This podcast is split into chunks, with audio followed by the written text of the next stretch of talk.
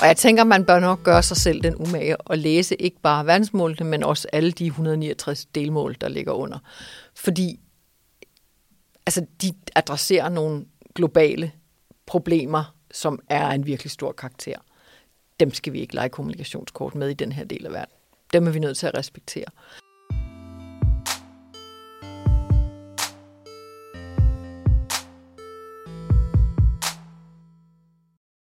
Du lytter til podcasten Vi taler om det. Jeg hedder Gert, og i dag har jeg inviteret Gitte Hård fra Center for Cirkulær Økonomi i studiet. Vi skal lave tre særafsnit af podcasten Vi taler om det, hvor vi har fokus på grøn omstilling. Vi tager temperaturen på planeten, vi kigger på, hvad det er, vi er ved at løbe tør for, og så kommer Gitte med nogle bud på, hvor du skal starte og fokusere, når du som virksomhed skal i gang med at arbejde med grøn omstilling. Vi skal tale om klimakobling, cirkulær økonomi og de 17 verdensmål. Det bliver altså til tre podcast, og det her er nummer tre podcast, hvor vi skal tale om FN's verdensmål. I den første talte vi om klimakobling, og i podcast nummer to talte vi om cirkulær økonomi. Hvis du ikke har hørt dem, er det en god idé at gå tilbage og lytte til dem. I den her podcast, der skal vi tale om FN's verdensmål. Lyt med, hvis du vil høre mere om, hvordan du som virksomhed kan bruge verdensmålene som et redskab til at komme i gang med den grønne omstilling – og hvorfor de 17 verdensmål er meget mere end et spil kommunikationskort.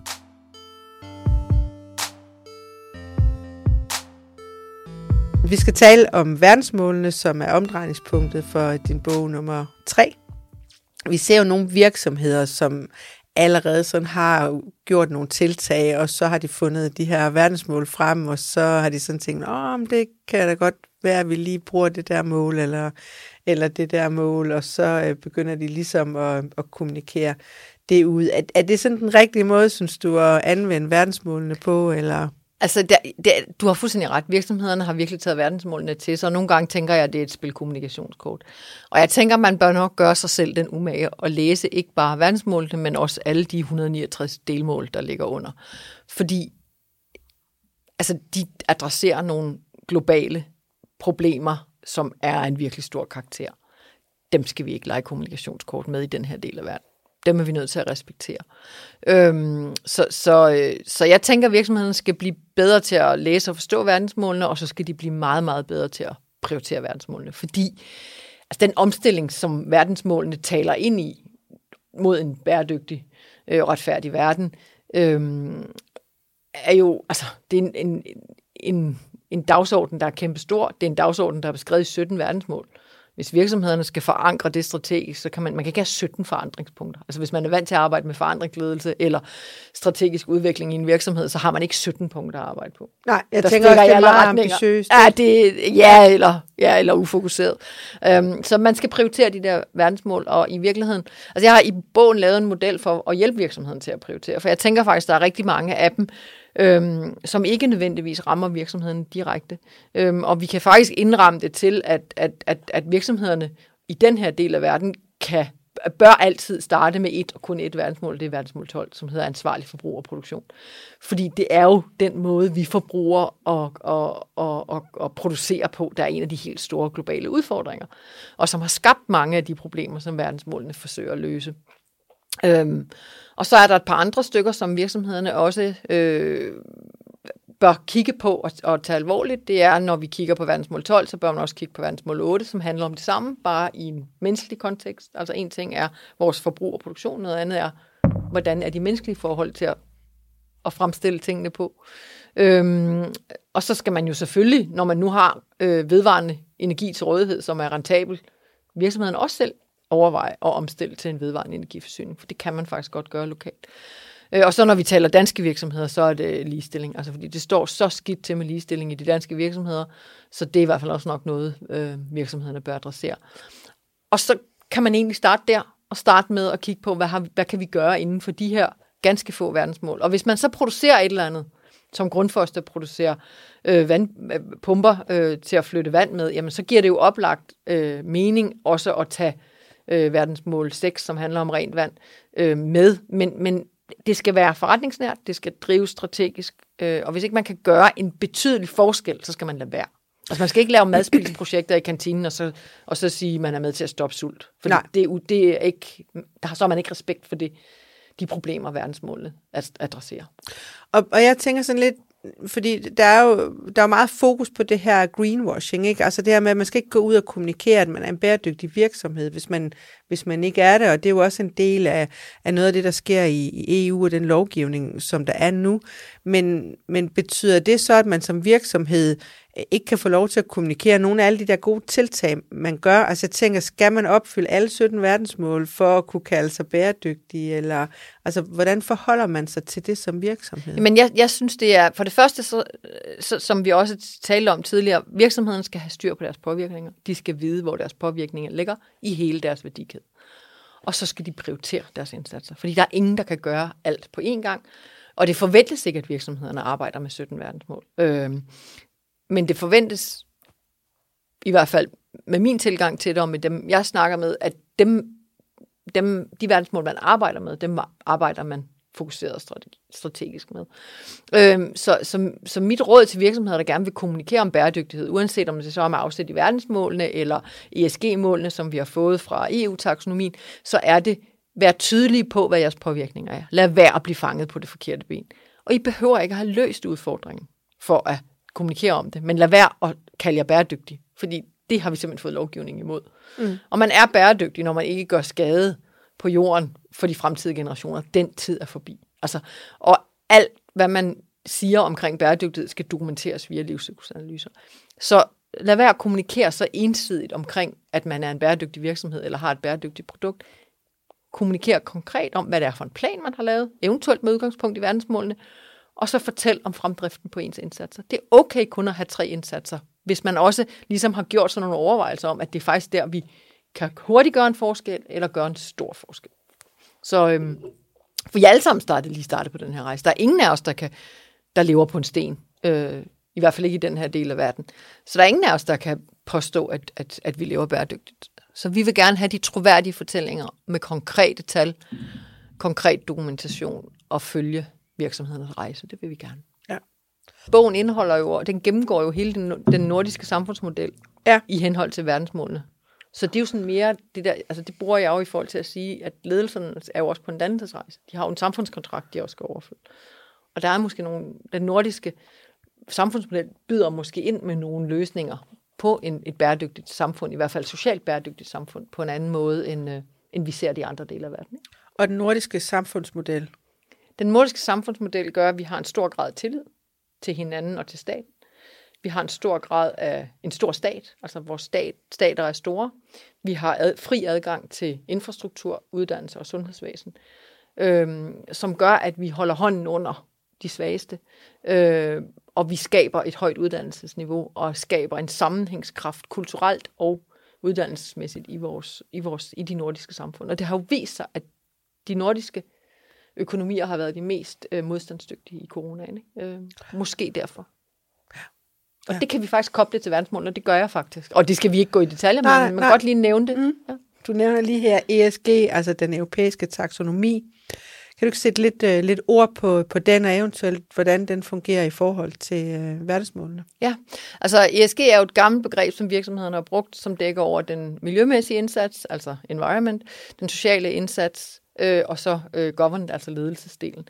Øh, og den nye europæiske taksonomi, som virksomhederne bliver ramt af nu, altså som virksomheden skal rapportere i henhold til, øh, er en ESG-taksonomi, der den går på de der tre søjler øh, i ESG. Øhm, og EU definerer bæredygtighed som, at man har taget vare på alle tre øh, områder. Og EU har lavet sit, af, sit arbejde med afsæt i verdensmålene. Så verdensmålene kobler egentlig til ESG-dagsordenen. Så man kan genfinde rigtig meget af målbeskrivelserne i EU-taksonomien fra de problemer, som verdensmålene adresserer. Og man kan faktisk også gøre det, at man tager de 17 verdensmål og kategoriserer dem lidt efter farver, og så materialiserer der sig også en, en ESG-skive, fordi man har nogle mål, der er der er sådan er rødlige i det, det er de sociale mål. Øh, og så har man nogle øh, mål, der er øh, blå og grønne i det, det er miljømålene. Og så har man nogle mål, der er sådan lidt mere gule og brune i det, og det er sådan infrastrukturmål eller ledelsesmål, kan man sige. Ja. Så, så de hænger ganske godt sammen. Der er ingen tvivl om, at, øh, at man, da man har lavet hele det overordnede rammeværktøj for, for EU-taksonomien, har taget afsæt i, i, i verdensmål. Mm. Du nævnte her i starten, og det, det kunne jeg godt tænke mig at dvæle lidt ved, fordi vi har jo de der 17 verdensmål, som jo i forvejen er ambitiøst, og så ligger der jo nedenunder de her 17, 17 verdensmål nogle anvisninger. Øh, hvordan, bruger man, hvordan bruger man dem? Fordi jeg, jeg tror, at rigtig mange mennesker kender de 17 verdensmål, eller kender til dem som, ja. som et, øh, kan man sige, et, et begreb, uden at kende nødvendigvis alle 17. Men, men derfra så til at vide, hvordan man egentlig kan bruge det som et redskab, øh, det, det tror jeg ikke alle nødvendigvis ved. Nej, men altså under de 17 verdensmål ligger der i alt 169 delmål. Øh, og, og, og, og når man nu ligesom, hvis man nu for eksempel bruger min vejledning til at prøve at indsnævre, hvad er det for nogle verdensmål, vi gerne vil arbejde med, så læs de delmål, der hører til de verdensmål, man arbejder med, eller læs dem alle sammen.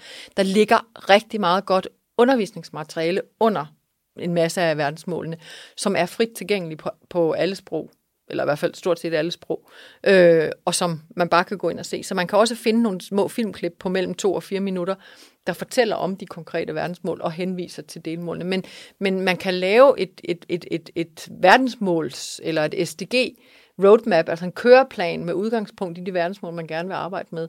Så kan man finde de delmål, der konkret adresserer det, man gerne vil arbejde med. Så kan man koble det til det, man allerede gør i virksomheden, og så til de mål, man gerne vil have. Så på den måde kan man gøre verdensmålene til en rammefortælling for den indsats, man gerne gør. Men man er nødt til at lave helt traditionelt en statusrapport, hvor er vi i dag, hvad er det for nogle konkrete delmål, vi gerne vil arbejde med, og hvordan kommer vi hen til at nå klimaneutralitet, som rigtig mange sætter op. Ikke rigtig mange virksomheder siger, at vi vil være klimaneutrale i 25 eller i 30, eller vi vil være fuldt cirkulære på vores øh, materialer i 2030 eller et eller andet, så er man nødt til at sige, hvornår begynder vi at måle på det, hvilke indsatser har vi tænkt os at gøre, øh, og hvordan sikrer vi os, at vi når i mål. Fordi vi, man vil gerne se nogle ambitiøse mål, og så vil man gerne vide, om de rent faktisk har tænkt sig at indfri de mål, og det ikke bare er ja, tomme løfter eller fugle på taget. Og det kræver nærmest et paradigmeskift. Det er lidt ligesom, øh, du siger i, i din bog, at nu skal vi til at tale om værdier frem for at tale om om økonomi. Hvilke udfordringer ligger der i den her transformation for, vir- for virksomhederne? Altså for virksomhederne ligger der en stor udfordring i det, jeg kalder et purposeskab, altså et formålskab. Vi har nogle unge mennesker, som kigger ind i en, i en fremtid, som er meget usikker for dem, fordi den planet, de bor på, ikke er ikke er beboelig ret meget længere. Øhm, og så har vi nogle virksomhedsledere, som de sidste 40 år har levet af kortsigtede økonomiske mål. Det gør, at vi helt grundlæggende har et gab mellem, hvad er det for et formål, man driver virksomhederne med, og hvad er det for et formål, fremtidens generationer, som også er vores medarbejdere, som også er vores kunder i fremtiden, øh, forventer af mm. virksomheden. Øh, og det gab, det tror jeg, altså den kløft er der rigtig mange virksomhedsledere, der falder ned i. Det er jeg ikke i tvivl om. Øhm, så, så, så virksomhederne har en udfordring med at finde en anden mening med det at være virksomhed end økonomiske mål. Der skal simpelthen være en anden grund til at være her. Altså en udvidet samfundskontrakt. Du skal simpelthen gøre mening for nogen eller noget, planeten eller nogle mennesker, øh, for ellers så kommer du ikke til at få medarbejdere i fremtiden. Du er nødt til at finde dit mål. Så profit er blevet et middel, fordi i modsætning til 70'erne, der var det faktisk en skændsel at tjene penge. Der delte vi os rigtig meget, der polariserede vi os. Der var nogen, der blev erhvervs, altså der gik i erhvervslivet, og nogen, der ligesom blev hippier, eller sådan, mm. du ved, hvor, hvor kapitalismen var det onde. Sådan tænker de unge i dag. De tænker, profit er fint. Det er bare ikke et mål. Det er et middel til at nå et større mål. Øh, til at opfylde samfundskontrakten, til at gøre noget regenerativt. Genskabe planeten. Øh, så, og det er en udfordring for vores virksomhedsledere at forstå den dagsorden. Og det er en udfordring, når man i mange, mange år har skulle levere som målrettet på nogle kortsigtede økonomiske parametre lige pludselig at begynde at give noget andet af sig selv og prøve også selv at få nogle andre værdier. Mm. Jeg tager faktisk en gruppe ledere med på folkehøjskole, eller på højskole her øh, i oktober, fordi jeg tror simpelthen, vi har brug for at danne lederne ud fra de principper, som Grundtvig stillede op for over 150 år siden. Ja. Hvor han dannede landbefolkningen for at skabe et sammenhængende samfund. Jeg tror, vi har brug for at danne lederne for at skabe et, sam- et sammenhængende samfund og en bæredygtig planet. Fedt. Så der bliver der klima og bæredygtighed på dagsordenen, eller? Ja, altså vi taler om cirkulær økonomi, så taler vi rigtig meget om klimakobling, og den sidste dag taler vi så om, hvad er det for et lederskab, man skal have, hvordan kommer vi hen i det, i det bæredygtige lederskab, hvad er det for nogle værdier, vi som mennesker skal operere med, og prøve at udfordre os selv på, hvordan vi tænker et lederskab, og hvordan vi får fagnet de unge mennesker, der kommer med mange af svarene. Mm. Ja, fordi jeg tænker også, det er noget med at få de unge med ind i de her virksomheder, ikke? fordi de har måske i virkeligheden også, øh, også svaret. Ikke? Og jeg håber, at, at, at vi også, når vi er på højskole, kan møde de unge mennesker, de kan komme og stille nogle, stille nogle visioner op for, for virksomhedslederne, så de mærker, og mange virksomhedsledere har jo også selv børn, altså mm. de ved, altså man ved det jo godt, men det er, stadig, altså, det er stadig noget, der foregår rigtig, rigtig dybt ind i kernen af en selv, når man skal ændre ja. den måde, man agerer på. Ikke? Jeg ved, du har en pointe i forhold til den nordiske samfundsmodel, og så øh, det her med at arbejde med, med klima og verdensmålene. Ja, altså jeg, øh, jeg, jeg, jeg har taget, øh, for det første har jeg gjort det, at jeg har prøvet at hjælpe virksomheden til at arbejde med verdensmålene, men jeg har også ligesom set, hvis vi skal ændre vores samfund øh, til at være mere bæredygtige, og det er jo ikke kun øh, miljømæssigt bæredygtigt, det er også socialt bæredygtigt. Og så har jeg været inspireret meget af det, der hedder donut-modellen, som øh, en Cambridge-professor, Kate Raywood, hun øh, udgav for nogle år siden. Og så har jeg sagt, det kunne egentlig være ret interessant. Og det er en, det er en økonomisk model, donut? Ja, det er en økonomisk model for et bæredygtigt samfund, hvor vi arbejder inden for jordens grænser, altså inden for jordens bæredygtige grænser, det vil sige de grønne emner, men stadig, øh, vi lever i en donut, som ligger mellem der, hvor vi ikke udpiner jorden socialt, eller udpiner menneskeheden socialt, men holder os inden for jordens økologiske grænser. Ja. Så derfor bliver det sådan en donut, fordi du skal ikke derinde i midten, fordi så lider mennesker, og du skal ikke herud i kanten, fordi så lider planeten. Så vi Nej. lever ind i donutten. Ja. Og det der, altså, det der, og hun, ud, hun, altså det er blevet den, ligesom model på, på en fremtidig økonomi, som ligesom er ved at vinde indpas, og hun er super sej. Men jeg har så set, hvad, hvad er det, vi... Hvad, fordi Norden har jo fået rigtig meget opmærksomhed. Det startede med nogle nordiske krimier og, og, og, og øhm, nordisk film, og, og, og det er ligesom om, at, at Norden er blevet sådan hipt, og det er det faktisk også i ledelsesmiljøer. Man begynder nu at kigge i retningen af de nordiske samfund. Vi så det jo under den amerikanske valgkamp af flere omgange, at man peger på Skandinavien som en samfundsmodel, man, man, man gerne vil, vil i hvert fald kigge ind i. Øhm, så jeg tog simpelthen verdensmålene øh, i forhold til, om den nordiske samfundsmodel, i hvert fald på den sociale side, tilbyder nogle løsninger, øh, som vi har brug for i en global kontekst. Fordi i Norden, vores, vores, vores økologiske bæredygtighed er jo udfordret i særdeleshed i Danmark. Altså der er vi jo langt ud over jordens grænser. Øh, det står ikke helt så skidt til i de andre øh, nordiske lande. Men, men på den sociale side er vi jo nogle samfund, som er meget karakteriseret ved, ved ganske få enslydende ting. Og det er stor grad af tillid. Vi har stor grad af tillid til hinanden. Vi har stor grad af tillid til retssystemet. Og vi har stor grad af tillid til staten. Så er den karakteriseret ved, øh, ved øh, fri og gratis adgang til infrastruktur, øh, til uddannelse og, og til sundhedsvæsen, øh, som også skaber en, øh, en stor grad af sammenhængskraft, også kulturelt menneskene imellem. Øh, og hvordan har vi fået det bygget op? Øh, det har vi faktisk fået bygget op ved et højt uddannelsesniveau og, og en stor, et stort, stærkt socialt sikkerhedsnet, men stadig inden for en eller anden form for liberal økonomi. Øh, og jeg ved godt, mange lande, især amerikanerne, når de kigger på os, tænker, vi er socialister. Men jeg tænker, vi er en, en version af det, som, som måske har vist sig at være mere modstandsdygtig økonomisk end andre økonomier. Altså under corona er det de skandinaviske og de nordiske økonomier, der har været mest modstandsdygtige. Mm. Og det er også det, de ser ud til at være dem, der er mest modstandsdygtige i den krise, vi står overfor nu, altså en energikrise. Øhm, så hvis man skal tale sådan i et lederskab, både som virksomhedsleder, men også i, som politisk leder, så er det faktisk interessant at kigge på, hvordan kobler verdensmålene øh, og, den, og de mål, vi gerne vil nå i 2030, som verdensmålene jo har som indmål, til nogle samfundsmodeller, hvor vi kan lære noget af. Fordi vi kan jo genopfinde, vi kan jo ikke opfinde alting. Øh, så lad os prøve at kigge nogle steder, hvor, hvor der er noget, der fungerer. Og i hvert fald på den sociale dimension og på den ledelsesmæssige dimension, der tror jeg, at den nordiske samfundsmodel og den nordiske ledelsesmodel har noget til. Mm. Og det kan man læse om i min bøger. Fedt. Og, øh, og hvis nu vi sådan, øh, hvis, hvis du her sådan øh, på faldrebet skulle nævne en, øh, en virksomhed, øh, som gør det godt i forhold til det her med verdensmålene og, og den cirkulære økonomi, kan du komme på sådan en, og hvad er det, de, de gør godt?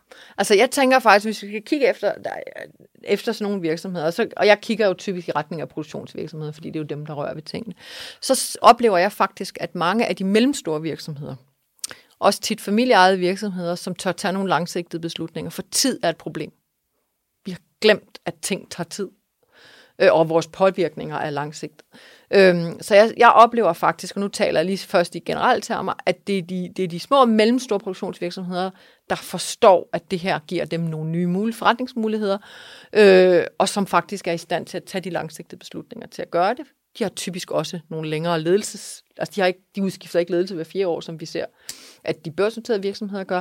Øhm, og, de, og, og familierne bag tør tage nogle langsigtede investeringer. Øhm, så vi kan kigge i retningen af en virksomhed som Trolltægt, som jo var en familieejet virksomhed, men som nu er blevet overtaget af en stor øh, britisk øh, virksomhed, som har arbejdet meget, meget systematisk med det her igennem mere end 10 år, og som har brugt måske nok 10 år på bare at få deres dokumentation på plads. De er Øh, de har fuld sporbarhed på deres råmaterialer, de producerer i, i Danmark. De har lige bygget en ny fabrik, fordi de nu har så stor succes især på det tyske marked. Og nu er de så også gået i gang med, med afsæt i at have så stor dokumentation og innovere deres produkter, så de bliver endnu mere bæredygtige. Så de står på en fantastisk platform, og de har brugt verdensmålene på en begavet måde. Fordi de har ikke strøget om sig med verdensmål, og de har haft snuden i sporet øh, i forhold til at skabe det grundlag, dokumentationsgrundlag og den fortælling, der skulle mm. til for at lykkes. Øhm, der er også øh, små virksomheder. Vi har inden for byggebranchen har vi nogle virksomheder, som er virkelig interessante. Øh, som, som, som, som tør og som fremmer byggeriet. Vi har øh, Kalk, som er en, virksom, en gammel virksomhed, der udvinder øh, kalkmørtel ned fra, ned fra Sydsjælland. Øh, og kalkmørtel er i modsætning til cementmørtel noget, der faktisk fremmer det cirkulære. Fordi du kan, kalk kan du banke af murstenene, så du kan genbruge murstenene, men du kan faktisk også genbruge mørtelen. Øh, og kalkmørtel skaber bedre byggerier, det skaber bedre åndbarhed, Øhm, og det gør faktisk også, at stenene ikke knækker, fordi cementmørtel, det, så, så kalkmørtel er blevet det helt store blandt arkitekter. Og de har simpelthen skabt en cirkulær forretningsmodel, som gør, at de kan tage den gamle mørtel tilbage og lade den indgå i den fremtidige produktion, men de understøtter også, at mursten kan genbruges. Så, så det var bare sådan et par mm. virksomheder i byggebranchen, som, som gør det godt, og det er jo også byggebranchen, der står først for hvad lovgivningsøretæverne angår. Ja, så, ja. så der er nogle interessante virksomheder at kigge i retningen af der. Og det gør de jo også, byggebranchen. Det tror jeg ikke, vi har talt så meget om, men fordi de egentlig også belaster vores ja. klima en hel del. Ikke? Ja, altså byggeriet er den største, eller en, en af de helt store, landbruget er også en meget stor, ikke? Men, men som industri er byggeriet en virkelig en stor belastning. De står på for 40 procent af, vores, af, af belastningen, hvis man kigger i hele værdikæden. De udvinder jo ret mange råstoffer. Ja. Og så er vi jo, altså, vi er jo gået derhen, at at, at byggeri i gamle dage kunne holde i flere hundrede år, til at vi er jo nede på, at mange byggerier kun holder i 20-30 år. Øhm, og det er jo skidt. Altså, og vi, vi, vi, vi bruger byggematerialer, som, som slet ikke har en kvalitet, øh, der kan forsvares det, det træk, som de har på klimaet og, og på jorden. Så vi skal til at genbruge vores gamle huse. Vi er sådan ved at være færdige med, med de her tre podcast om grøn omstilling. Hvis du nu skal sådan fremhæve tre ting, som du tænker, det er det, når man har hørt de her tre øh, podcast, og som lytter går herfra, hvad er så de tre vigtigste pointer? Så tænker jeg først og fremmest det der med, at, at grøn omstilling er ikke bare omstilling til vedvarende energi. Om, grøn omstilling er meget, meget mere end det. Øh, og at vores klimapåvirkninger kommer fra mange andre steder end det. Ikke? Og så er det jo det der med, at vi skal have, altså vi skal simpelthen have ændret vores økonomi. Altså det er en grundlæggende omgørelse af hele den måde, vi tænker vores samfund, vores produkter og vores måde at handle på. Øh, både som forbruger, men også som virksomhed. Og så tror jeg, at sidste pointe er det der med, at vi som mennesker faktisk skal til at have nogle andre værdier i spil. Og der tænker jeg jo i særdeleshed på virksomhedslederne, fordi det er jo dem, vi er nødt til at sætte vores lid til, for gang i den her omstilling hurtigt nok, for det har vi brug for.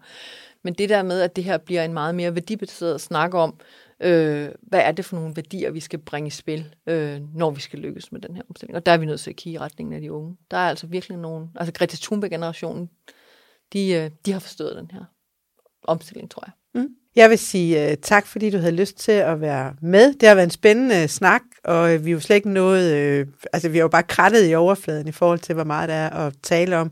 Og hvis man sådan har lyst til at uh, at følge dig og lige sådan holde øje med, hvad du laver på bogmarkedet, og måske også købe dine bøger, så er jeg sikker på, at du har en hjemmeside, de kan kigge ind på. Kan du sige noget om det? Jo, altså man kan følge mig på LinkedIn. Der plejer jeg at, at tillægge lidt artikler op, øh, som, som kommer fra mine bøger, og skrive, når der sker noget spændende. Og ellers så har jeg en hjemmeside, som hedder CCE, altså Center for Cirkulær Økonomi, c-c-e.dk. Og der kan man købe bøgerne, men man kan også købe dem på online boghandler og også fysiske boghandler. Øh, og nu er de også begyndt at være ude på bibliotekerne. Øhm, ja, så... Men tak for at få lov til at være med. Det er en fornøjelse at få lov til at udbryde den her dagsorden. Selv tak.